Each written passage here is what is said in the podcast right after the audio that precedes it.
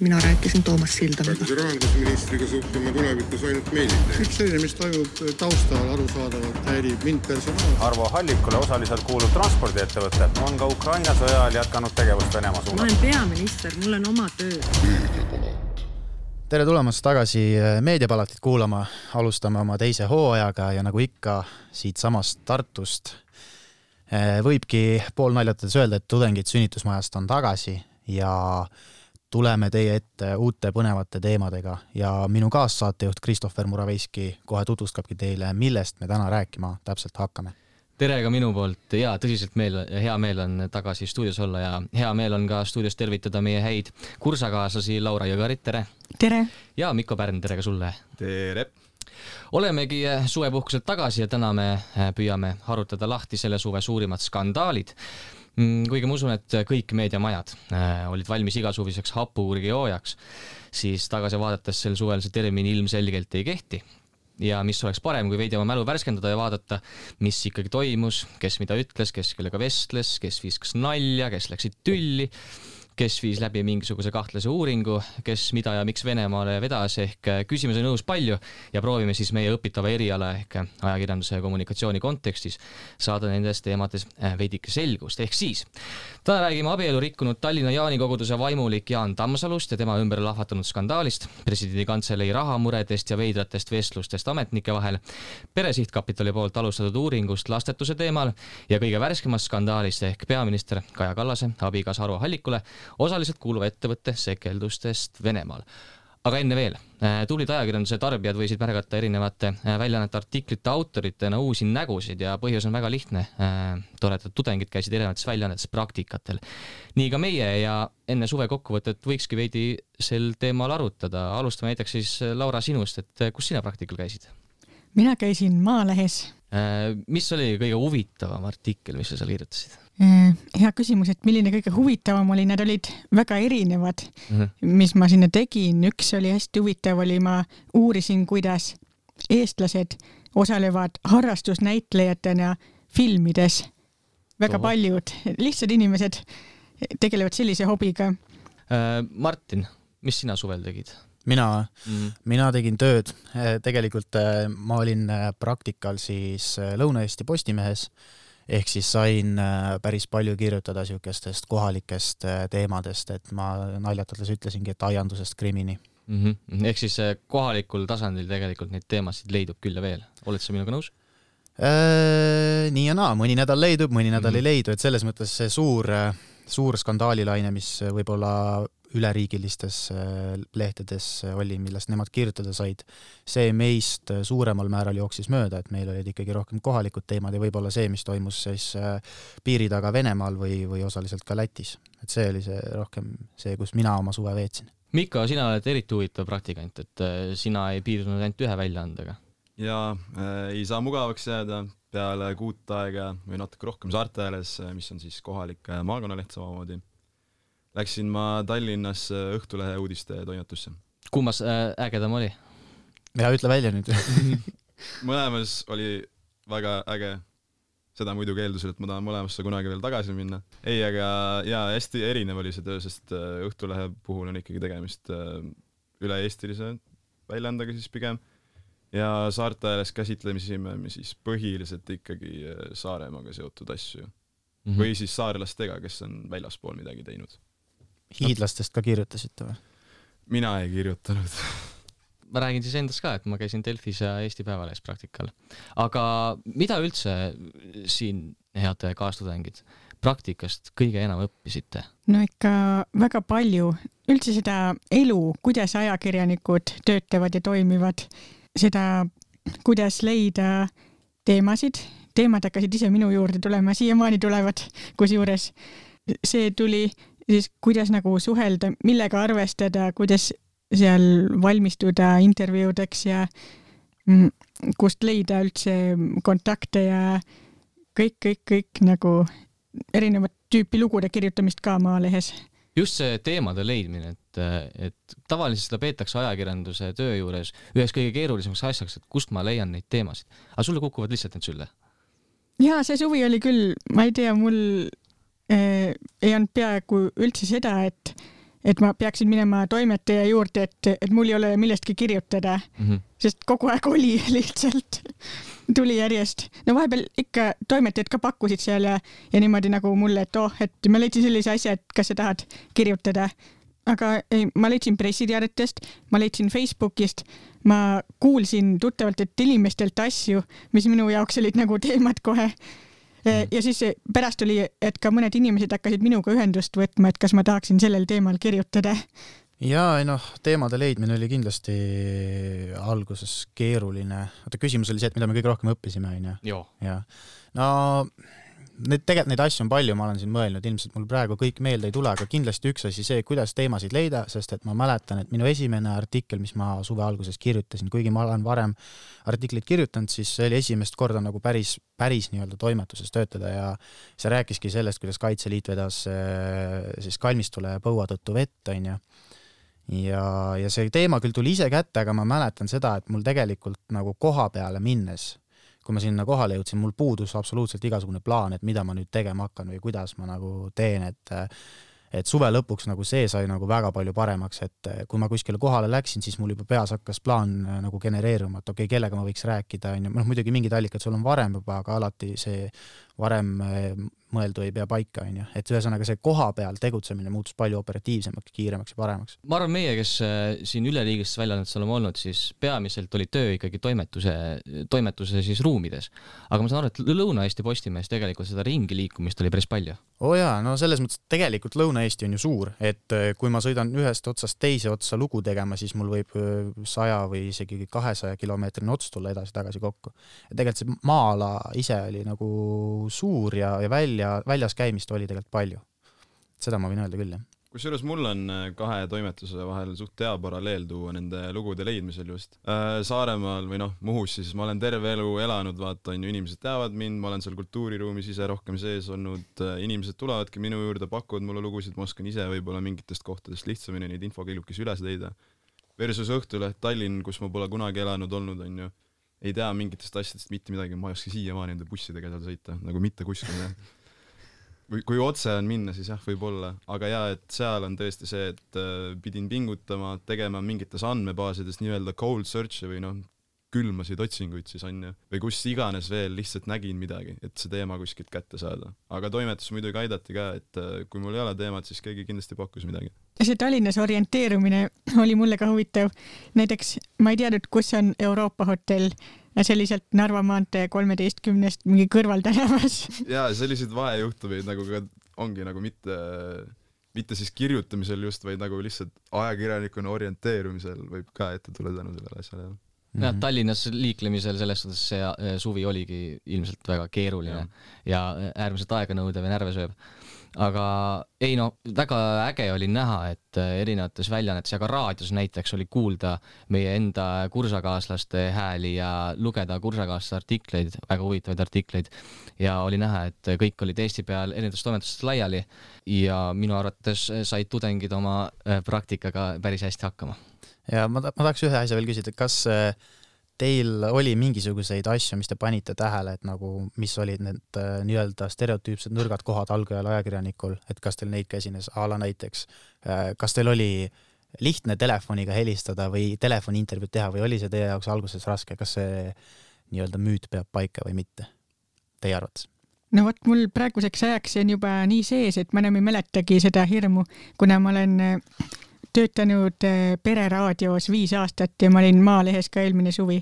et ma olen nii ära harjunud, et ma pean inimestele helistama, et see on kõige loo-, loomulikum liigutus ja kui ma pean vahepeal kirjutama, siis mõtlen, et ah, et millal see vastus siis ükskord tuleb mm. -hmm jaa, ma olen nõus, et äh, alguses võib-olla see helistamine tundus natukene hirmus, aga see läks väga kiiresti üle ja see läks üle just siis, nagu sa ütlesid, täpselt siis, kui pidi hakkama võib-olla mõnele meili teel küsimusi esitama, siis sa ootad neid küsimusi pikalt ja võib-olla need vastused on siuksed, millele sa tahaksid veel jätkuküsimusi küsida. aga meili teel on see äärmiselt keeruline äh,. aga sa küsisid apsakatega kohta ka, eks ju mm, -hmm.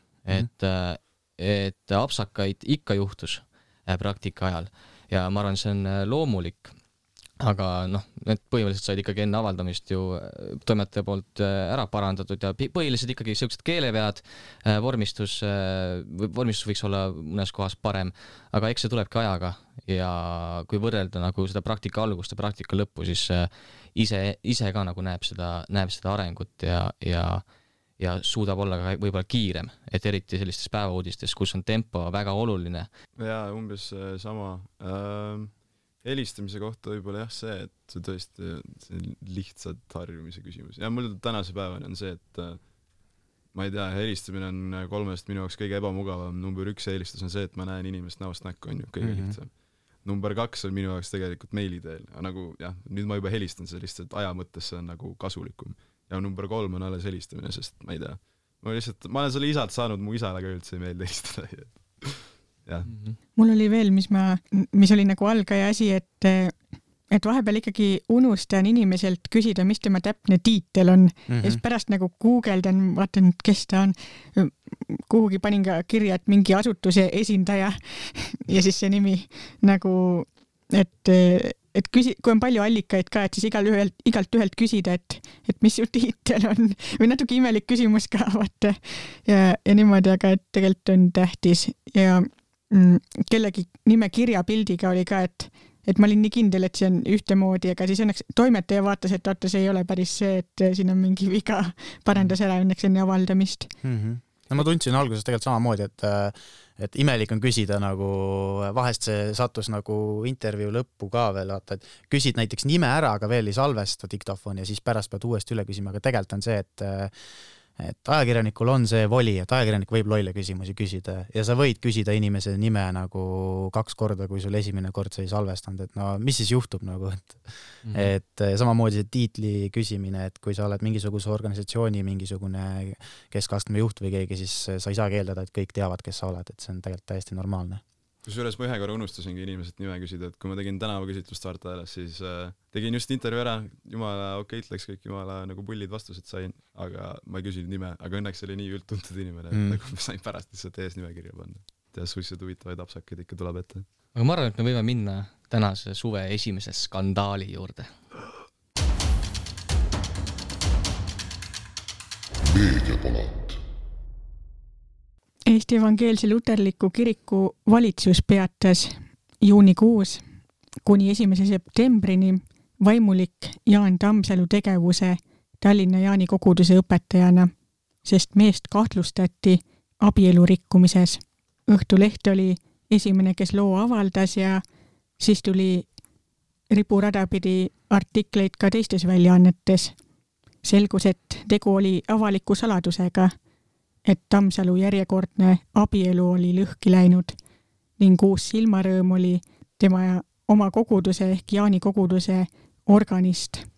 septembris siis on meil juba rohkem infot nüüd, et Eesti Evangeelne Luterlik Kirik otsustas ka Jaan Tammsalu Jaani koguduse õpetaja ametist tagandada, kuid siiski määrati ta Tallinna praostkonna vikaarõpetajaks praost Jaak Ausi alluvusse, nii et täiesti vaimuliku ametist kõrvaldatud ta pole. ja selle Praustiga, nagu ka äh, peapiiskop äh, Urmas Viilma äh, mainis, siis äh, sellist äh, iseseisvat tegevust enam äh, Tammsalu päris teha ei saa, et peaaegu et kõik, mis ta, eks ju, teeb, et ta peab selleks luba küsima ja, ja see oli siis, äh, tundub, et selline äh, nende arvates siis mõistlik äh, lahendus sellele, sellele teemale, aga kas, ma ei tea, oleks pidanud teda rohkem karistama või aga siis tegemist on karistusega selles mõttes. selles mõttes küll jah, see tegu on kindlasti karistusega, eriti noh, ma, ma ise selles, sellest, et nagu ütleme, usulisest poolest väga palju ei tea, aga jah, ilmselgelt selline asi seal väärtussüsteemis on äh, kuidagi negatiivne ja selle avalikuks toomine, seda võib mõnes mõttes pidada küll karistuseks, onju. aga mis rolli üldse see praost täidab, kes, kes, kes praost üldse on, kas te teate või? ta on mingi piirkonna juht siis. ahah, okei okay kirikus, jah. aga mis te muidu arvate sellest, et niimoodi äh, eraelulisi asju niimoodi avalikkuse ette tuua, et kui palju ajakirjandus üldse peaks sellest äh, kirjutama? tegu on ju kirikuõpetajaga yeah., kes rikkus abielu yeah.. ehk siis justkui on avalik huvi selle suhtes olemas, jah, kiriku roll on küll sajandite jooksul hästi palju muutunud ühiskonnas, aga ta on piisavalt päevakajaline, et ta väärib märkimist avalikus ruumis. ja siin on muidugi tegu väga suure kogudusega, väga tuntud õpetajaga, et võib-olla kui kuskil kauges maakohas on, et siis võib-olla see ei jõuaks niimoodi meediasse, aga vot Jaan Tammsalu on avalikkuse tähelepanus väga palju.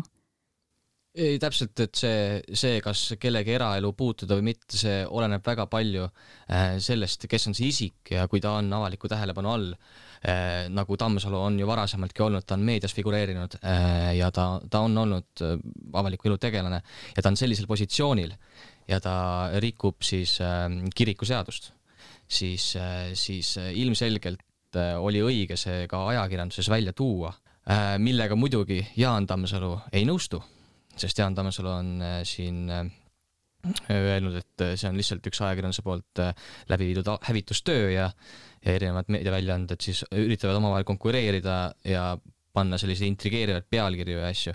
see on ajakirjanduses suhteliselt tavaline mm -hmm. ja, ja seda nagu ette heita, et nüüd ajakirjandus alustas mingisugust hävitustööd, et see ei ole minu arvates küll asjakohane no et, et hinnata hävitustööd või selle ütleme mastaapsust, siis tegelikult peaks vaatama seda, et kui palju see tema äh, ütleme, tema kui indiviidi elu mõjutab, et jah, et selles konkreetses kogukonnas, ütleme, nimetame siis äh, kristlasteks, Äh, vahet pole, mis aru sellest, et seal see jah, annab ta nii-öelda mainele väga kõva niisuguse nagu märgi külge, aga tegelikult ju ütleme, ma ei nimetaks seda päris hävitustööks, sellepärast et muus osas ühiskonnas ei ole tal mitte mingit takistust täiesti äh, normaalse ühiskonna liikmena edasi jätkata, et ma ei usu, et äh, laiem avalikkus hakkab sellepärast äh, tema suunas kuidagi viltu vaatama, et äh, et noh, oli, mis oli ja, ja ma arvan, et need inimesed, kes sellega nii tugevalt seotud ei ole, ei vaata sellele kuidagi halvasti. aga mitte ainult tema maine tegelikult, sest äh, üleüldiselt äh, religioon, nagu ka äh, oli siin Postimehes äh, intervjuu äh, Urmas Viilmaaga, siis ka tema tõi välja selle esimesel septembril, ehk siis ta, ta tõi sisse selle haridusliku äh, aspekti äh,, mis on siis see, et äh, ega haridussüsteemis ega lapsed või noored siis äh, eriti äh, religioonist midagi ei teagi, sest see äh, ei ole siis äh, kooliprogrammis äh,, õppeprogrammis kohustuslik ja tegelikult kui, kui sellised asjad äh, juhtuvad, siis see mitte ei kahjusta ainult äh, selle isiku mainet, vaid ka äh, noh, institutsioonide, organisatsioonide kõige mainet selles mõttes ja ka kiriku mainet. et, et, et kui meil niigi on juba selline lõhe siis religiooni ja Eesti inimeste vahel, siis see asi, mis juhtus, see kindlasti mõjutab veel rohkem seda fakt on ka ju see, et ta karistamata oma, oma tegude eest ei jäänud ka kiriku poolt siis. et äh, kirik kui institutsioon tegi nii-öelda oma kahjuvähenduse siis ära ikkagi. mis sa täpselt mõtled?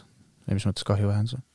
Või no maine päästmise nii-öelda, sest mm. oleks ju palju halvem mulje oleks jäänud ju sellest olukorrast siis, kui oleks midagi tehtud kogu peale seda avalikku väljatulemist. Mm, no seda küll jah, et selles mõttes osaliselt see tugev reaktsioon oli seotud ka kiriku enda maine nii-öelda kaitsmisega just mõnes mõttes jah. aga no nii on tegelikult väga paljude skandaalide puhul äh, kõik teemad, mis me siin nüüd järgnevalt ka arutame, et ühesõnaga, et seal kõik on see, et, et siis peab võtma organisatsioon või institutsioon jõulisi samme mm. -hmm. et, et, et enda mainet kaitsta ja tegelikult ka selle isiku nii-öelda äh, tulevast äh, elu ja mainet äh, samuti kaitsta. Mhm. ja tegelikult ju Tammsalule sõna ju anti, et ta sai ju tegelikult äh, päris mitmes intervjuus rääkida nendest asjadest, kuidas tema nägemus on ja et selles mõttes ma ei näe otseselt, et ajakirjandus oleks kuidagi halvasti käitunud, et see sõnakasutus tema poolt, et hävitustöö või kuidas ta täpselt seda ütles, et see, ma arvan, oli ikkagi tingitud sellest võib-olla e-, esialgsest ehmatusest, et, et see skandaal nii suureks äh, läks, aga lõppkokkuvõttes minu meelest ajakirjandus kajastas suhteliselt objektiivselt, kõigile anti sõna ja, ja tegelikult lihtsalt äh, ütleme, mingit intriigi sealt nagu liialt üles ei keeratud, et see oli lihtsalt üks järjekordne teema, mida sai nagu kajastada, mis oli päevakajaline või tegite te mingid muud järeldused sellest? Ei, tundus ka, et see ikkagi igakülgse kajastuse sai, seal oli lausa tema abikaasa intervjuu ja, ja mis seal kõik olid, aga et see asi sai nagu avalikustatud, et ei, ei jäänud ühepoolseks. et, et ei saa päris nii öelda, ajakirjandus oleks midagi valesti teinud, sest et noh, ilmselgelt see on ebameeldiv teema äh,, mitte ainult asjaosalistele, vaid ka teistele inimestele ja ja ka ajakirjandus peab äh, üpriski tihti tegelema selliste ebameeldivate teemadega, sest et avalik huvi ka selle teema puhul oli äh, üpriski suur. meediapalat Äh, Lähme siis järgmise skandaali juurde. augusti alguses lahvatas praeguse presidendi Alar Karise tõenäoliselt siiani suurim skandaal, mida on ajakirjandus kutsutud ka nii-öelda raha mulle, seadus sulle skandaaliks. Juba enne seda käis ajakirjandusest läbi siis kantselei äh, rahamure teema, täpsemalt ei jätnud presidendil raha külastada Austraaliat, mistõttu äh, mitte küll ei taodeldud, aga uuriti, et kas oleks võimalik riigilt saada lisaraha, täpsemalt kolmsada kuuskümmend tuhat eurot. sellele aga rahandusminister lõi pidurit ja kui ka see presidendi rahamurede teema on vägagi murettekitav, siis skandaali lahvatas hoopis miski muu, täpsemalt algas sündmuste jada sellest, kui rahandusminister Mart Võrklaevale jõudsid mingisugused signaalid mingisugusest vestlusest kellegi vahel, kus olevat seostatud presidendi lisarahastust ja seaduste väljakuulutamist. ja eh, tol hetkel me ei teadnud täpsemalt, kelle vahel see vestlus toimus, kuid siis tegi suu lahti rahandusministeeriumi kantsler Merike Saks, kellega ühel eh, üritusel vestles kantselei sisenõunik Toomas Sildam ja kantsler tundis, et sisenõunik sidus kantselei rahasoovi ja eh, seaduste väljakuulutamise. ja otse loomulikult haaras sellest ajakirjandus tublisti kinni ja kuigi president on siin rääkinud, et tema ei näe ühtegi võimalust, kuidas president saaks olla eh, rahastamisest mõjutatud ja rõhutas ka oma kahekümnenda augusti kõnes, et president on sõltumatu ja, ja seda kaitseb tema, siis miks see skandaal ikkagi lahvatas, kui tegelikult presidendi sõnul probleemi pole, sest seaduste väljakuulutamine ei saa ju olla äh, seotud rahastamisega. tegemist oli ju lihtsalt selle olukorraga, kus samas telefonikõnes äh, mainiti siis kahte täiesti erinevat asja ja sealt see, ütleme siis hetkel arusaamatus tekkiski. Toomas Sildami oli üks vestlus äh, rahandusministeeriumi kantsleri Merike Saksaga ja teine peaministri büroo juhi Gerrit Mäesaluga, mis tuli hiljem välja et äh, see tuli alles välja siis Riigikogu äh, ist-, sellel erikomisjonil, et aga ikkagi, et, et kui sellist teoreetilist võimalustki ei ole, et, et, et sellist asja saab seostada, siis kuidas sai selline teema üldse ajakirjanduses nii palju kajastust? Noh, skandaalne oli see ikkagi minu hinnangul seetõttu, et noh, vahet pole, kuidas need asjad nagu päriselt olid, siis presenteeriti seda kui, kui seadusega kauplemist et see oli see, aga et kust see täpne nagu, kust see narratiiv levima hakkas, seda, see mul nagu see jäi segaseks. et äh, ma lihtsalt äh, noh, meediat üldiselt vaadates jäi niisugune mulje, et sellest räägitakse kui seadusega kauplemisest. aga jah, lõpuks ju vist tuli välja, et ega seal väga palju seda tõestust sellel ei ole, et lõpuks oli sõna sõna vastu komisjonis vaidlemine ja et kellel siis oli parem mälu ja kellel kehvem et see siis oli määrav selle osas, et äh, mida, mida me siis teada saime või ei saanud sellest. et äh, jah, see poliitiline keeristorm. ühesõnaga, tegemist oli siis lihtsalt äh, kas arusaamatusega või reaalselt üritati seadus versus kantselei rahastamine kaubelda? Aga kes seda teab? jah, no täpselt, üks nendest kahest variandist. aga kui juba sellist kaks problemaatilist mm. vestlust on toimunud sama isikuga ehk Toomas Sildamiga, siis järelikult mingi kala peab ju sees olema, kus suitsu seal tuld kui sellised vestlused toimusid ja mõlemad tundsid, et, et Toomas Sildam on need seostanud, mida Toomas Sildam siis nüüd on põhjendanud, et tema ei mäletanud või, või et visati lihtsalt nalja, et, et ikkagi sellised vestlused on problemaatilised, ametnike vahel vestlused tööalastel teemadel, kus visatakse nalja, ma ei ole kindel, kas see peaks olema korrektne. aga miks mitte? aga kui no,, praegu me saime ju teada, miks mitte et inimesed, on inimesi, kes võib-olla ei mõista nii hästi mingeid seoseid või nalju, et, et siis peab olema ikkagi hoolikas sellistel teemadel, eriti kui räägitakse tööalastel teemadel ja eriti kui nad on nii kõrged ametnikud, nagu on kantselei sisenõunik ja jah, presidendi kantselei sisenõunik. no aga vot ongi see, et nali naljaks, aga kõik peaks olema lihtsalt sel juhul selgelt eristatav, et ei tekiks selliseid skandaale, sest skandaal ju ometi tekkis. ja et ma arvan, et selle skandaali nagu põhjus ei ole mitte nagu äh, nali kui selline, et ametnikud ei tohiks omavahelises vestluses või suheldes ka ajakirjanikuga üldse nagu mingisugust nalja või humoorikat repliiki nagu heita, vaid pigem on see, et, et sul peab olema endal see taktitunne või arusaam, et mis nali on mis olukorras kohane, onju et äh, võib-olla äh, noh, täpselt seda nalja sõna-sõnalt me isegi ju ei tea, seda ju keegi ei mäletanud enam. aga et mis, mis mis see nali täpselt oli, et noh, võib-olla on lihtsalt küsimus konteksti tajumises. Ja that's it. E, noh, jah, e, eks seal on ja selle, üldse sellel skandaalil oli nii palju erinevaid tahke, et e, just nagu lineaarselt või, või ajaliselt oli väga, ka ajakirjandus kajastati seda, et oli väga veider see, et et kui alguses oli see rahastuse asi, et pole, kantselei pole raha, siis president äh, kritiseeris äh, automaksu ja siis tuleb Rahandusministeeriumi poolt siis selline äh, nii-öelda süüdistus või, või kahtlustus, et midagi sellist toimus, siis osadele kõrvadele jättis see sellise mulje, et äkki need kõik asjad on omavahel seotud. et võib-olla siis valitsus solvus presidendi peale, president solvus valitsuse peale ja siis hakkas selline võimuvõitlus ja nüüd äh, selle uue skandaali puhul, mis on Kaja Kallas saanud, mida me ka hiljem äh, siis äh, Äh, arutame, et ka seal on toodud seda välja, et ah, jälle president on, äh, on solvunud valitsuse peale või muud taolist mm. -hmm.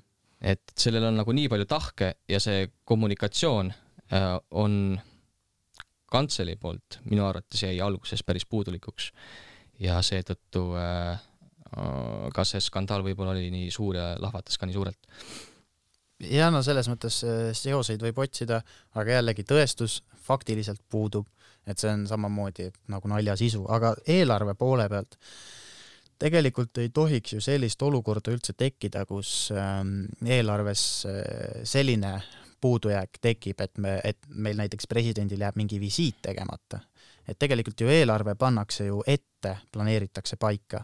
Ja sellisel juhul, kui kuskil äh, tekivad mingisugused ettearvamatud kulutused, siis nende katteks Äh, tuleb lisaraha küsida või vahendid leida koheselt, mitte see, et siis äh, noh, praegu lihtsalt jääb niisugune mulje, et, et on mingis kohas on nagu tulnud ootamatud või lisakulutused ja siis on lihtsalt teiselt realt võetud raha juurde ja ei ole selle probleemiga sellel hetkel tegeletud ja hiljem siis on olukord, kus lõpuks mingiteks planeeritud tegevusteks raha ei jää või, või reservi mingit ei jää, et mingisuguseid erakorralisi visiite või midagi teha.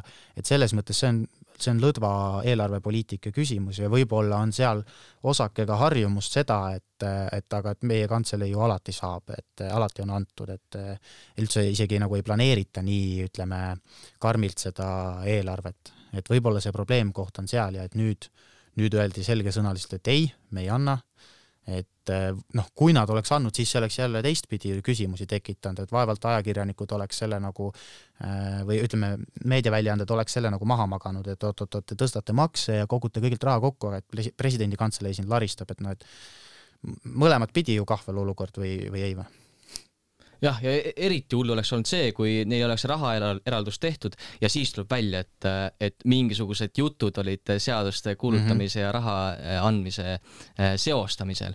et see oleks andnud veel nagu kõvema paugu ja see oleks olnud nagu eriti tõsine probleem, see, seal oleks ilmselt äh, jah, jah, ka juba kapo, kapo liitunud selle teemaga.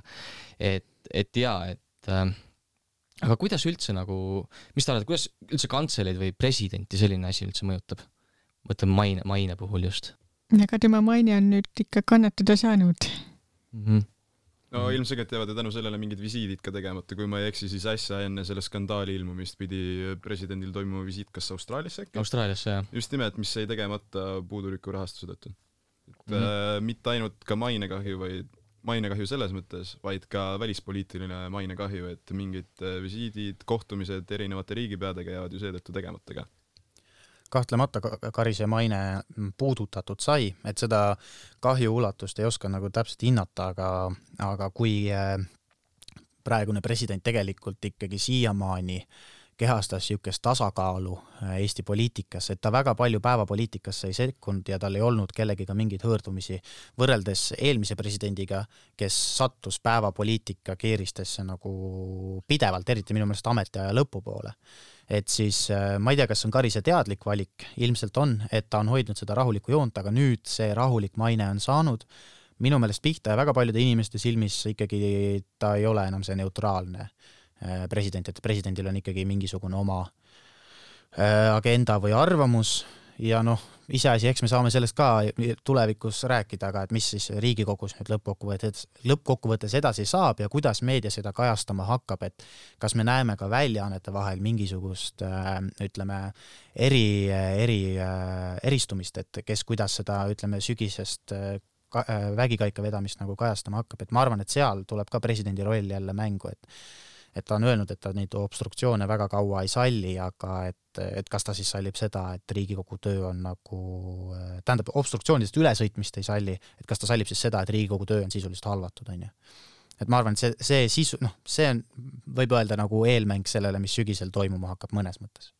eks meil ongi sisepoliitiliselt Eestis on praegu ju täielik kriis, et nagu sa ütlesid, me ei tea, mis sügisel toimuma hakkab ja võib-olla äh, Äh, sellises kriisis ei saagi võib-olla president jääda nagu täiesti selliseks äh, mm, pehmeks ja, ja et ah, et noh, et ta peab ikkagi mingisuguse nagu seisukoha võtma ja ta on neid seisukohti selle suve jooksul ja nüüd ka sügise alguses äh, selgelt võtnud mm. -hmm.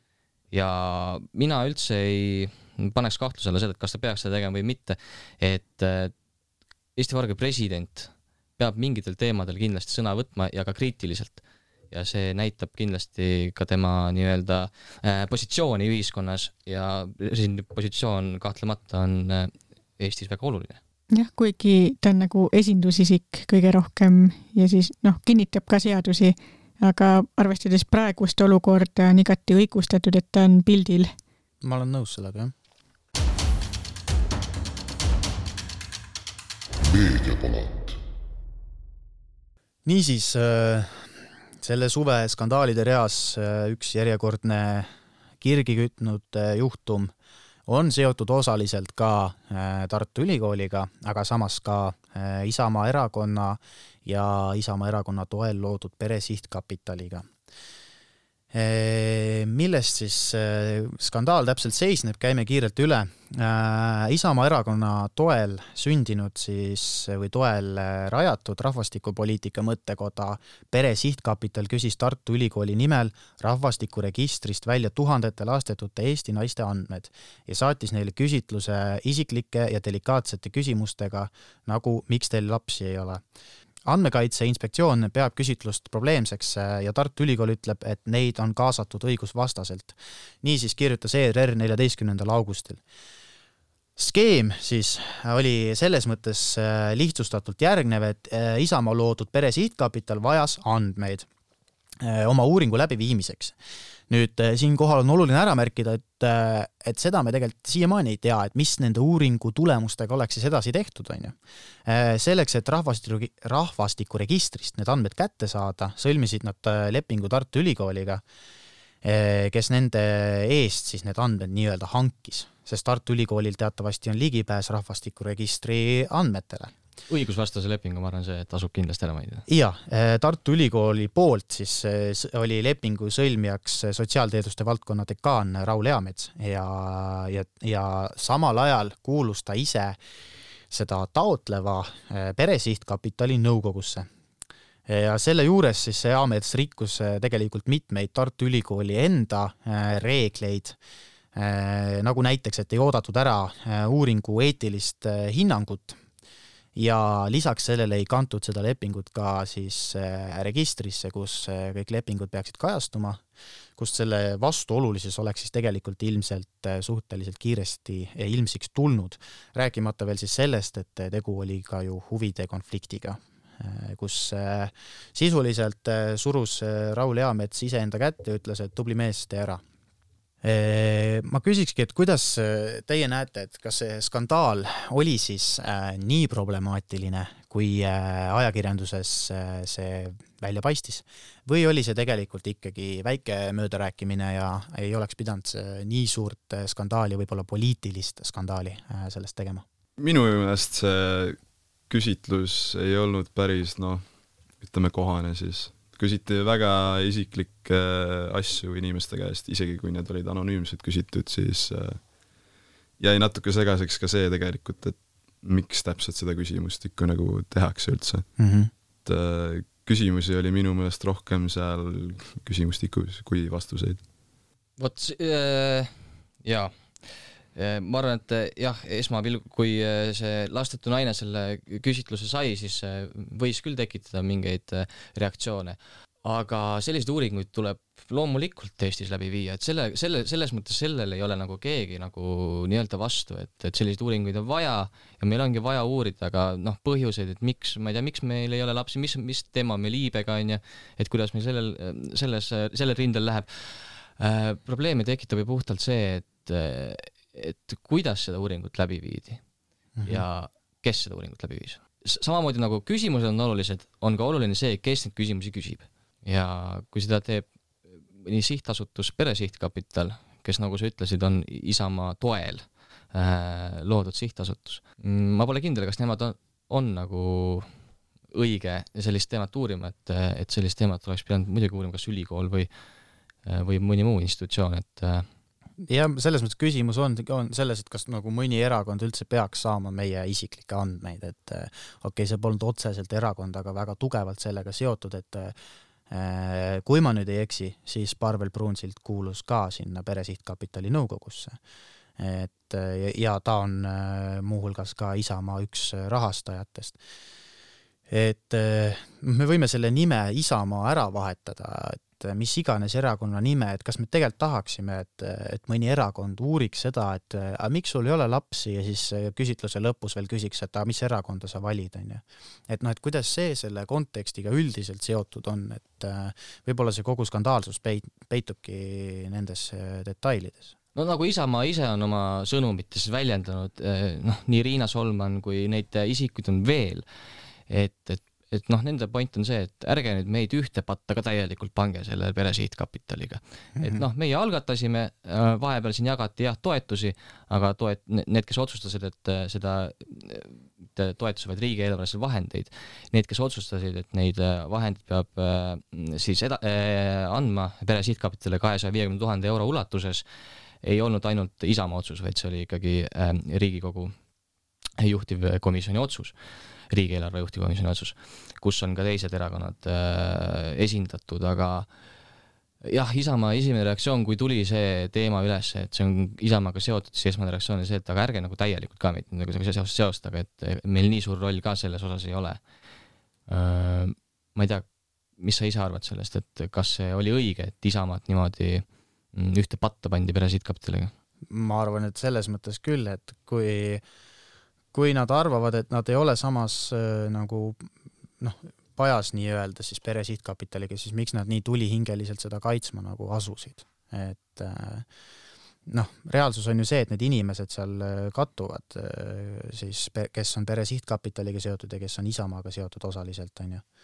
et kindlasti seal on see seos olemas ja, ja see läheb ju kokku ka Isamaa üldise narratiiviga, et nemad on ainukene erakond, kes tegeleb Eesti perekonnapoliitikaga et äh, noh, me võime tegelikult ainult oletada, mis mis nende uudi-, uuringu tulemustega oleks saanud edasi teha, et selle põhjal oleks saanud äh, igasuguseid asju järeldada ja et, äh, et kui nagu räpaseks seal minna nagu poliit, ütleme, võitluse mõttes, et et kas me saame hakata tegema selliseid järeldusi, et ühe erakonna valijad saavad vähem lapsi kui teise erakonna valijad või et kas mõne maailmavaate esindajad sünnitavad vähem või, või teised rohkem, et noh, et siis me saame hakata silte mõtte kleepima maailmavaadete külge ja sealt omakorda inimeste külge, et sina arvad nii, järelikult sa ei saa lapsi, noh, ma ei tea, kuni selleni välja, et sa oled väheväärtuslik inimene, sellepärast et sa ei sünnita või sa ei, mis iganes, noh, et see noh, see nagu osa sellest eh, rikub selle uuringu ju täiesti ära et, et noh, et kui me tahame uurida perekonna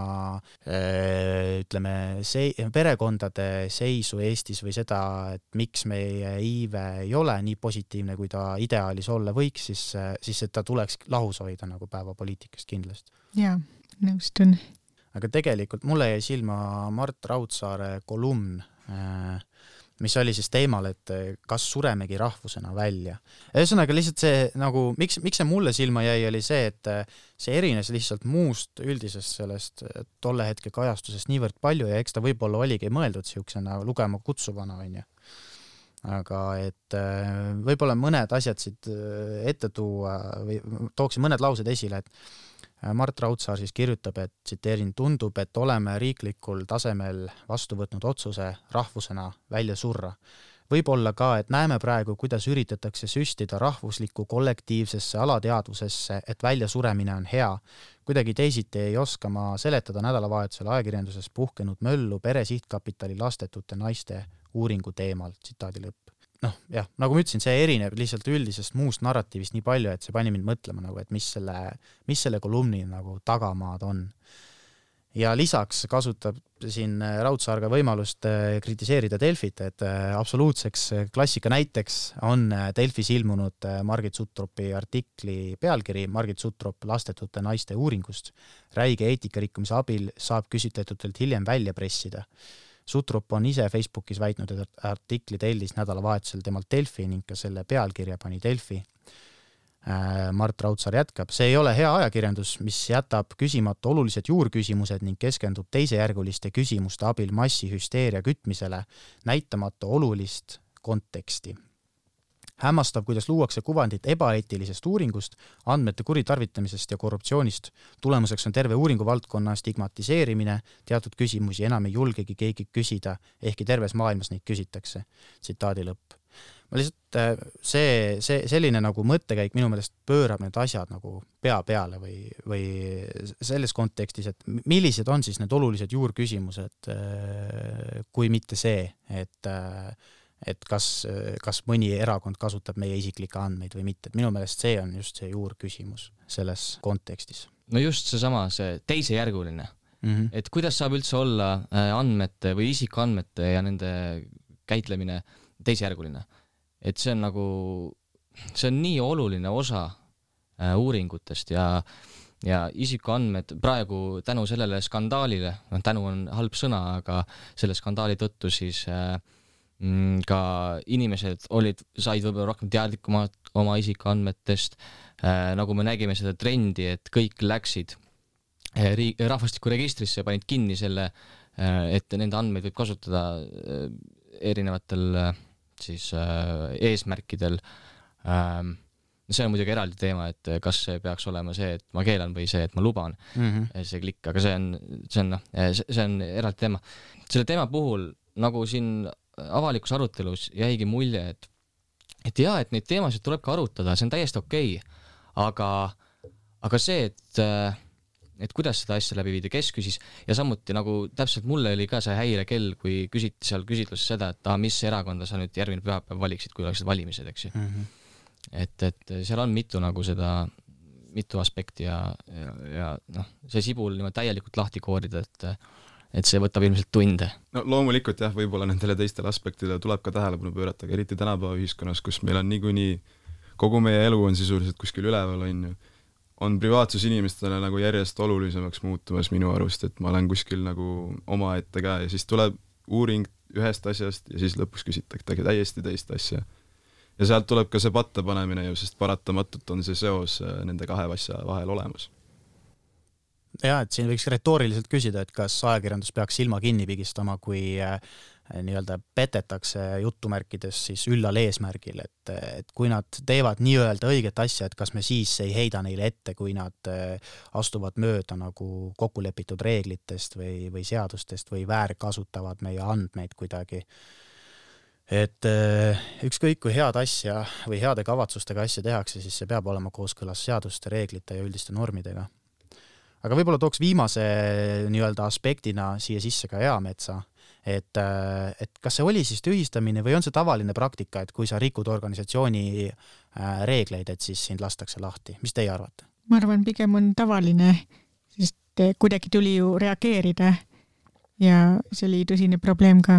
Tegemist ei olnud lihtsalt mingisuguse eksimusega ju, tegelikult ka ülikooli maine ju sellest äh, kindlasti sai kannatada, minu teada nemad, ka nemad tegid jällegi avaliku postituse minu teada, et äh, nad on töösuhte lõpetanud ja selgitasid mingeid tagamaid veel sinna. oli jah? et see ei ole ainult see, et üks inimene eksis, midagi nüüd sellest äh, ei juhtu, vaid äh, tõsine probleem tekkis avalikus ruumis sellest mm. -hmm. nagu ülikooli rektor ka ütles, et, et see mõjutas ka praeguste kolleegide tööd, ehk siis, et taolisi uuringuid, et inimesed ei ole võib-olla enam nii vastuvõtlikud sellistele uuringutele selle teema tõttu, aga Eametsa puhul ähm, huvitav oli see, et, et Twitterist käis vahepeal läbi, et kui see skandaal tekkis, et siis keegi tegi tweet'i, et et ma olen täiesti kindel, et Priit Pullerits on järgmine, kes teeb temaga ühe sisuka intervjuu. ja nii oli, Priit Pullerits tegi temaga äh, intervjuu väga sisuka.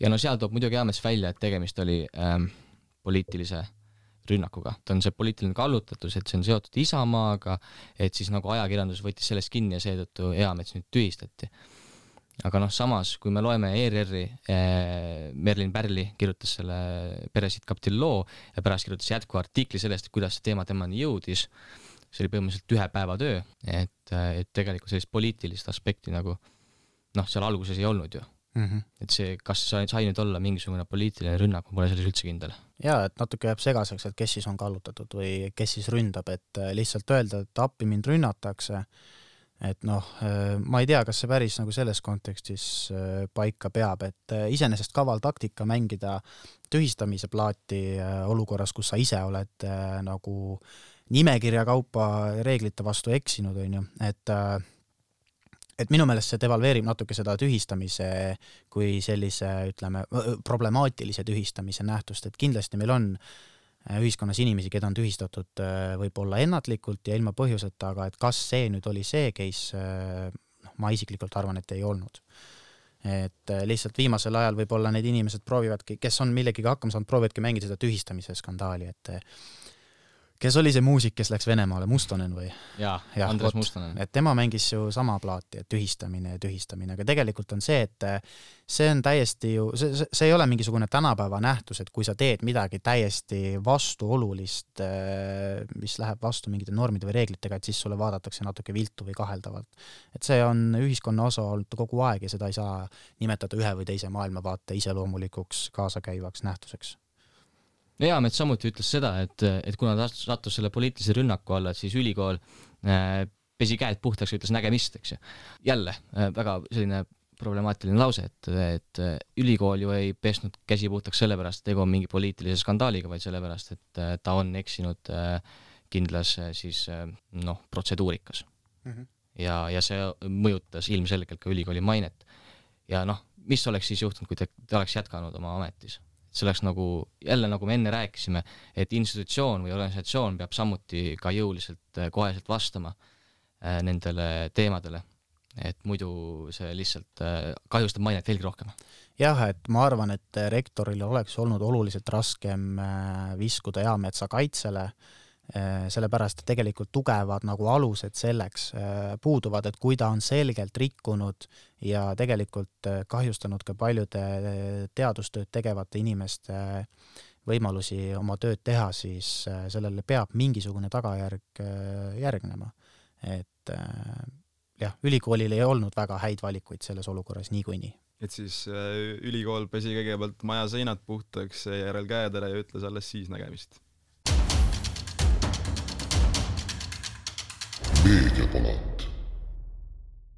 enim laineid on sel suvel löönud äh, Kaja Kallase abikaasa ärisuhted Venemaaga. peaministri abikaasaga seotud ettevõte on viimased poolteist aastat vedanud kaupa Venemaale. see on tekitanud avalikus ruumis hulka küsimusi, kas selline tegevus on normaalne ja moraalne, kas peaminister oli asjast teadlik, kas peaminister peaks tagasi astuma skandaali valguses on kahtluse alla sattunud nii poliitikute kui ajakirjanduse silmis ka peaministri välispoliitilise tegevuse senine kui ka edaspidine tõsiseltvõetavus. kriitikas on ajakirjandusväljaanded olnud karmid. teen jutu otsa lahti küsimusega, kas ajakirjandus peanuks teemat neutraalsemalt kajastama? see on hea küsimus, et no, et millises võtmes neutraalsemalt, et äh, minu meelest ajakirjandus on olnud äh, üldiselt ajakirjandus on olnud võrdlemiselt, võrdlemisi neutraalne. et äh, võib-olla jah, teatud autorite puhul või teatud äh, väljaannete puhul me näeme mingeid teravamaid torkeid äh, või mingisuguseid ütleme jah, erinevusi, aga üldiselt ikkagi ju on oldud faktipõhine ja, ja nagu selles mõttes on olnud nii neutraalne, kui selles olukorras äh, olla saab, et äh, tegelikult on see ka ju ajakirjandik, ajakirjandusele endale nagu eksistentsiaalne küsimus, et kui niisugused teemad jäävad äh, kajastamata, et siis, siis on ka probleem. Ja teine asi on see, et kui me juba jõuame sinnamaani, et poliitik jookseb reporteri eest ära, kui reporter, noh, okei okay,, jooksmine võib olla, ma nüüd ei mäleta, kas ta kõndis või jooksis, aga läheb eest ära mikrofoni eest, et see siis äh, see on nagu see koht, kus juba asi muutub nagu kahtlaseks, et, et ajakirjanikul ilmselt tekib see vaist, et oot-oot-oot mm., see on kõige viimane staadium, et selles mõttes ta ise on andnud väga palju põhjuseid, miks see skandaal on tema jaoks nii nihu läinud. minu meelest oli ju huvitav repliik Eesti Päevalehes kahekümne neljandal augustil, mille juhtkirjas oli äh, lause, kus on öeldud, et äh, selle juhtumi puhul siis süütuse presumptsioon ei kehti, Kaja Kallas peaks avalikkust veenma, et polnud sellest äh, moraalselt väga küsitavast ärist teadlik ei raha andes ega ka hiljem. et äh, mis te nagu sellest arvate? ja ajakirjandus on võtnud üpriski äh, jõulise rolli selle teema puhul mis on ka mingil määral arusaadav, et siin käis vahepeal läbi see, et ajakirjandus, kas ta oli neutraalne või see kajastamine neutraalne, et kogu aeg ajakirjandusel ei ole võimalik olla neutraalne. oleme objektiivsed, aga noh, kogu aeg selline neutraalsus, et see pole ka on ju võimalik, et ja okei okay, äh,, ajakirjandus on oma juhtkirjadega, see oli üks nendest juhtkirjadest, juhtkirjasid on palju nii Postimehes kui Päevalehes, kus tegelikult äh, nõutakse mm, Kaja Kallase tagasiastumist. Et Äh, sellise rolli võtmine ajakirjanduse poolt on sellise suure skandaali puhul nagu praegu minu arvates väga okei. Okay..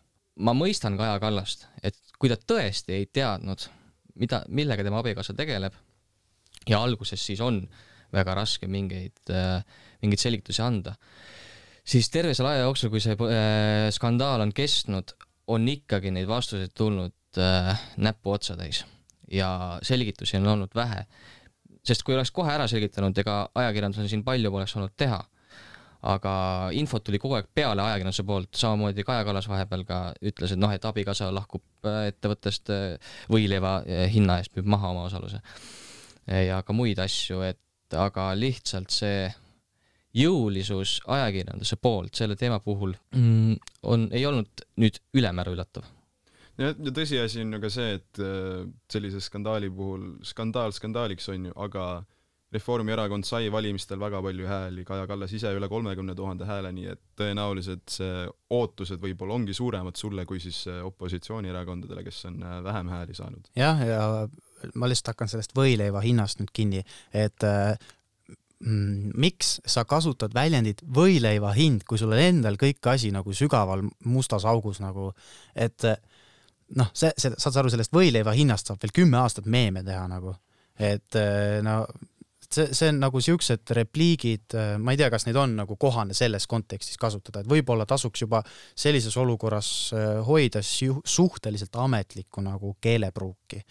et müüs ettevõtte võileiva hinna eest ja et see on, see on lihtsalt meemimaterjal nagu me jõuame jälle selle, selle juurde, et äh, kas poliitikud peaksid olema äh, ka ajakirjanikega suht-, suheldes äh, natuke vaoshoitumad või et, et noh, ei viska nii palju nalja või värki. Kaja Kallas käis nüüd, stuudios on peaminister Vikerraadios selline saade ja seal ta tõi ka selle välja, et ajakirjanikega ongi keeruline suhelda, sest nad võtavad mingist sõnapaarist kinni ja kasutavad seda pealkirjas ja siis noh, et kui sa ise ütled sellist asja, siis sa ei saa eeldada, et ajakirjanik vaatab sellest kõrvale mm. -hmm. ükskõik mis, noh, kas võileiva hind okei okay,, see isegi vist ei saanud nii suurt äh, tähelepanu. no veel ei ole saanud. aga seal on nüüd, nüüd ütlesime välja selle nüüd, et aga neid lauseid on olnud veel ka teiste poliitikute suust, et, et ma ei tea, mis see Kaja Kallase äh, pressinõunik tol hetkel tegi või et, et oleks võinud seda kommunikatsiooni palju paremini läbi viia mm. -hmm. ja nüüd me oleme jõudnud olukorda, kus tegelikult aina rohkem hakkab tunduma, kui vahepeal tundus, et, et see võib-olla lähebki mööda meist, siis nüüd on järjest enam äh, kuna juba Riigikogu töö algas ja opositsioonierakonna esimehed on juba ka sõna võtnud nendel teemadel ja ka koalitsioonierakondade esimehed on palunud, et neid äh, selgitusi oleks rohkem ja et see on meie mainet rikkunud, siis aina rohkem, enam tundub, et Kaja Kallas varsti astub tagasi aga nagu ütles eile Esimeses stuudios Jüri Ratas, siis tõenäoliselt see tähendab seda, et, et praegune koalitsioon jätkab, lihtsalt peaminister vahetub. aga praeguste, see praeguse info põhjal, praeguse avaliku arutelu põhjal tundub aina enam, et, et varsti ta peab äh, tagasi astuma. aga eks näib, mis, mis toob, sellepärast noh, tal on ju olnud äh, mm, välismaal ja välispoliitikas väga oluline roll ja nüüd hakatakse seda kõike kasutama tema enda vastu ja, ja, ja niimoodi ju ei saa äh, peaministrina tegelikult jätkata. kui sa ei ole enam tõsiseltvõetav ja sinu juttu hakatakse kasutama ka näiteks opositsioonierakondade poolt, aga ma olen täiesti kindel ka ajakirjanduse poolt äh, nii-öelda tema varasemat juttu ja praegust juttu nagu või praegust skandaali siis äh, omavahel äh, ühildades mm. -hmm. ja teine asi on see, et kas äh, ütleme, et Kaja Kallas jätkab, et kas sellisel juhul Kaja Kallase, ütleme, tema isiksus hakkab mõjutama Eesti välispoliitilist äh, kurssi või mingid asjad jäetakse tegemata või midagi tehakse teises suunas rohkem, et, et seda, neid piinlikke olukordi vältida võib-olla rahvusvahelisel tasandil või et noh, et see isiksus, Kaja Kallas ise hakkab lõpuks ette jääma, et see ei ole enam noh, nagu Meelis Oidsalu ütles, et, et sellisel viisil Kaja Kallase jätkamine ei ole Eesti riigi huvides, noh enam, sellepärast et see on lihtsalt niivõrd vastuoluline. aga üks asi, mis ma tahaks veel ajakirjanduse poole pealt välja tuua, on see, et lihtsalt huvitav tähelepanek, et see ERR-ile antud intervjuus, mis ta andis siis seal Maarjamäe äh, kommunismiohvrite memoriaali juures yeah., et seal ta ju, kui ta, kui ta siis äh, eest ära liikus, siis ta tegelikult pakkus ajakirja, ajakirjanikule kaamera ees off the record nagu kommentaari.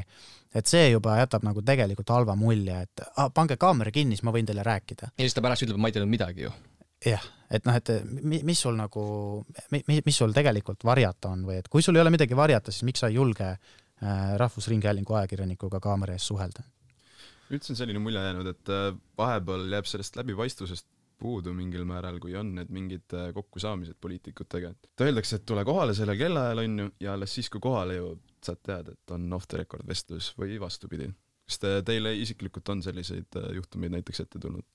ei, ma ei ole vaata äh, nii-öelda tulistel teemadel teinud, et meil seal maal käib asi vähe aeglasemalt. no vot, mul ka jah aga nagu Kaja Kallas ise seda põhjendas, siis tegemist oli emotsionaalse üritusega ja pärast sellist üritust tuleb ajakirjanik, ajakirjanik küsima selliseid küsimusi, kui skandaal on just lahvatanud. See ei ole põhjendus. see ei ole põhjendus, et, et eh, ajakirjanik tuleb sellisel hetkel küsima küsimusi mingi teema kohta, mis on just lahvatanud mm. -hmm. peabki küsima küsimusi. jah, et ma ei ole praegu valmis rääkima, mul ei ole memo ees, vaata, see ei ole noh, see ei ole vabandus selles mõttes. jah, tema poolt vaadates see on, noh, ta oleks, nagu ta ütleski, et tema ei tea sellest midagi. et äh, see ongi nii, aga ta võttis väga äh, jõulise positsiooni ajakirjanduse vastu. Nagu ka varasemalt ajaloos on see näidanud, siis äh, kui sa ajakirjandusele vastu astud, siis tavaliselt see lõpeb katastroofiliselt. ja praegu on päevalehtede juhtkirjadest näha, et mis see, mis see kõik skandaal endaga kaasa on toonud, tugeva kriitika praeguse peaministri vastu mm. -hmm pluss üks aspekt, mis noh, see on kindlasti meelevaldne võrdlus selles mõttes, et äh, aga ma arvan, lihtsalt see on mu puht isiklik subi-, subjektiivne tunnetus, et paljud inimesed ikkagi seostavad Kaja Kallast oma isa Siim Kallasega. Ja, ja lihtsalt see analoog, mis tekkis, on niivõrd eredalt nagu silmapaistev, et, et ka Siim Kallasel oli üks juhtum, kus ta ajakirjaniku eest ära jooksis või, või põgenes nii-öelda. et Äripäeva ajakirjanik küsis siis et äh, ma arvan, et teatud äh, võib-olla poliitiliselt laetud ringkondades hakkab see nagu narratiiv veel tugevamalt äh, levima, et see, see, see narratiiv, et Kaja Kallas on iga inimese igapäevaelu probleemides süüdi, et see kindlasti teatud ühiskonnagruppides aina tugevamalt selle tõttu levib, et ma arvan, et noh, see, see, see on lihtsalt üks näide sellest, miks tal on, miks tal muutub raskemaks jätkamine. aga teine asi, mis ta on ju välja toonud, on see, et, et tegelikult see Äh, Sta-, äh, Stark Logistics ei ole ju äh, sanktsioone rikkunud, et tegu on ikkagi puhtalt nagu eetilise või moraalse küsimusega selles kontekstis.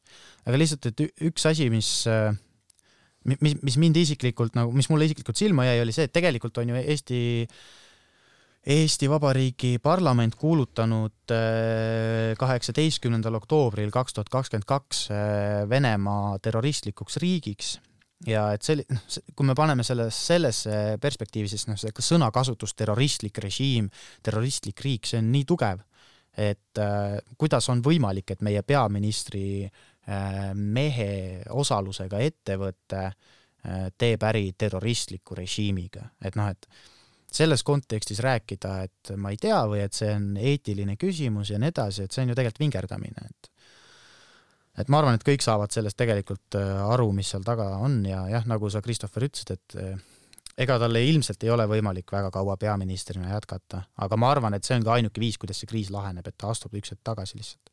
no täpselt, et see muutub väga probleem, problemaatiliseks kui eriti praeguses olukorras, kui äh, meil on Riigikogus äärmiselt keeruline seis ja, ja et ka selle seisu lahendamiseks, nagu on opositsioonierakonnad välja öelnud, siis üks, üks võimalik lahendus on see, et Kaja Kallas astub tagasi. no huvitav, mida on talle soovitanud siiamaani need tema nõunikud, ta ei tegutse ju üksi sugugi mitte, et et kuidas, et kas need ongi soovitanud tal nagu vaikida ja mitte midagi nagu avaldada võimalikult? see on hea küsimus. see on tõesti hea küsimus. et eks jah, et, et äh, kommunikatsiooni inimeste pähe me ei näe, et kes seal ametikohal töötavad, aga tõesti, see on, see on selles mõttes huvitav küsimus jah, et aga eks see tuli ju nõunikele ka sellest, ma ei usu, et nõunikud, et ega nemad ei ole ju teadlikud sellest, millega tegeleb äh, Kaja Kallase abikaasa, kui isegi Kaja Kallas sellest ei teadnud. no pigem mitte no kui ta ei teadnud. jah, et see, kui see tuli šokina kõigile, et siis sellises keerulises olukorras ilmselgelt on kommunikatsioonil, pressiesindajatel, nõunikutel äärmiselt suur roll. jah, ei noh, see, et ta ei teadnud seda jällegi, me ei saa seda mitte kuidagi kontrollida, et see on mm. -hmm. jälle lihtsalt väide ja see on noh, minu jaoks ka nagu mitte eriti usutav, et ta ei teadnud, aga nüüd huvitav konflikt, mis tekib, on see, et tal tegelikult tek-, tekib nagu lojaalsuskonflikt nagu oma mehe ja Eesti riigi vahel. Ja sisuliselt on ta tegelikult vali-, astunud oma mehe kaitsele praeguses skandaalis. Ja, ja, ja, ja ta mees ja ta äripartnerid on ka Kaja Kallase korralikult tanki pannud sellega. Et nad lihtsalt on vait, kuna nemad saavad olla, okei okay,, nad on vahepeal midagi öelnud, aga nagu kriisi kõige kuumemas faasis nad lihtsalt olid vait. Aga Kaja Kallasel ei ole võimalik täiesti vait olla ja see noh, tegelikult on, on nad mänginud nagu väga tugevalt Kaja Kallase kahjuks. see oli minu arust äh, huvitav ka, et äh, ja tõepoolest, Kaja Kallas on Eesti peaminister, abikaasa on lihtsalt ettevõtja, aga miks ei mindud selle nii-öelda siis äh, kolde ajal või kolde kõige haripunktis siis ei mindud äh, otse nagu allika juurde, ei juba siis ei räägitud tema mehega nagu rohkem. see oli minu meelest nagu ta keeldus Võibolla... vastustest. ei no ajakirjanikud jooksid Minu viga Stark sõnul, jah. Logisticsu ukse taha Mhm. jah, ja jälle jo- joosti eest ära, ühesõnaga. aga samuti, mis nagu eriti äh, kirjeldab seda, kuidas see poliitiliselt mõjutab, oli just hiljutine, paar päeva tagasi äh, korruptsioonivastane erikomisjon, mida juhtis Mart Helme. Ja no seal läks selliseks äh, sõneluseks, et ühesõnaga, et kumb on targem ja et äh, noh, Mart Helme rääkis, mina olen nii tark, ma olen nii kaua elanud ja mul on elukogemust ja kõik see on ju, et mina tean väga hästi, kuidas Vene eri, eriteenistus töötab. kahtlemata jah. siis Kaja Kallas hakkas välja otsima mingeid Mart Helme teemasid kunagisest ajast ja millega see lõpuks lõppes sellega, et aga mitte kuskile selle komisjoniga ei jõutud. et kui komisjoni ülesanne on ju, eks ju välja uurida, mis ikkagi toimus ja kõik see, et siis sellises, sellises sõneluses poliitilises võitluses me ei jõua adekvaatsete sõnumiteni. ja aga milles probleem, kõik osapooled võidavad, ajakirjandus võidab, Kaja Kallas võidab, Mart Helme võidab. Kaja Kallase eesmärk ei olegi kuskile selle asjaga sisuliselt jõuda, tema eesmärk on lihtsalt see komisjoni istung ära veeta ja talle on väga sobilik, kui Mart Helme on see, kes viib selle diskussiooni nagu taseme madalale, et siis ta saab öelda, et näe, tema tegi ja Mart Helmele sobib see, kui ta saab madalal tasemel sellist isiklikku nimetame seda siis diskussiooniks nagu seda pidada, sest see läheb tema valijatele peale ja ajakirjandus on võitja sellepärast, et ajakirjanikud saavad sellest kirjutada ja inimesed loevad. aga nemad ei ole ju ainukesed äh, osalised selles skandaalis. Võib-olla nemad tõesti mingisuguse võidu sealt saavad, aga kes kaotavad? kaotab Eesti maine, kaotab Eesti demokraatia, Eesti tõsiseltvõetavus ja ja Eesti inimeste usaldus poliitikute vastu. ja mitte midagi tegelikult ei lahendata ju ära, kui on sellised laetud diskussioonid, kus ei räägita asjast. ja täpselt ja, ja praegune obstruktsioon ja äh, jah, praegune obstruktsioon ja lihtsalt tühikäik äh, Riigikogus äh, näitab või näitab seda äh, kõige paremini, seda olukorda, mis võib juhtuda siis, kui poliitiliselt kõik äh, on täis laetud. Äh, siin meie tänased äh, tulised diskussioonid lõpevad, mida lõpupoole seda tulisemaks läks, stuudios hakkas ka palav, aga meie oleme tagasi juba nii nagu ikka üks nädal jääb vahele ja sellest järgmine nädal siis tuleb uus episood ja nagu ikka ajakirjandus kuumimatel teemadel sõna võtame. kas teeme ennustusi ka või? Järgmisel nädal, kahe nädala pärast tuleb meil teemaks kindlasti äh, Riigikogus koalitsiooni-opositsiooni vastasseis. Kaja Kallase teema tõenäoliselt saab laiendust mm. -hmm. ja eks siis näeme, äh, kes on uus peaminister ja kellest, kellest me kahe nädala pärast räägime. see oli muidugi loomulikult väike nali, nagu siin äh, Toomas Sildamu tegi ja, ja on ka teised ametnikud teinud. aga vot, näed, sina ütlesid välja, et on nali. jah ja et kui teete nalja, siis öelge tõsise näoga, et nali, sest kui te naerate samal ajal, kui te ütlete nali, siis võib ka nali olla. et äh, ütled tõsise näoga nali, aga teie seniks vaadake üle meie sotsiaalmeedia, oleme nii Instagramis, Facebookis äh, ja, ja kuulake meie varasemaid episoode, mis on leitavad äh, Spotify's äh,, Apple podcastis ja Google podcastis. Ja Mikko, sa tahtsid midagi lisada või? kas ta ka Youtube'is pole? oleme küll jah, mul läks täitsa meelest ära aga aitäh äh, veel kord, Laura Jõgar, täna tulemast aitäh, Christopher Muraveiski, et äh, oled äh, siin paaris rakendis minuga ja aitäh, äh, Mikko, et tulid täna siia stuudiosse rääkima. mina olin Martin-Eerik Maripuu ja kohtume peatselt. nägemist. tšau. tšau.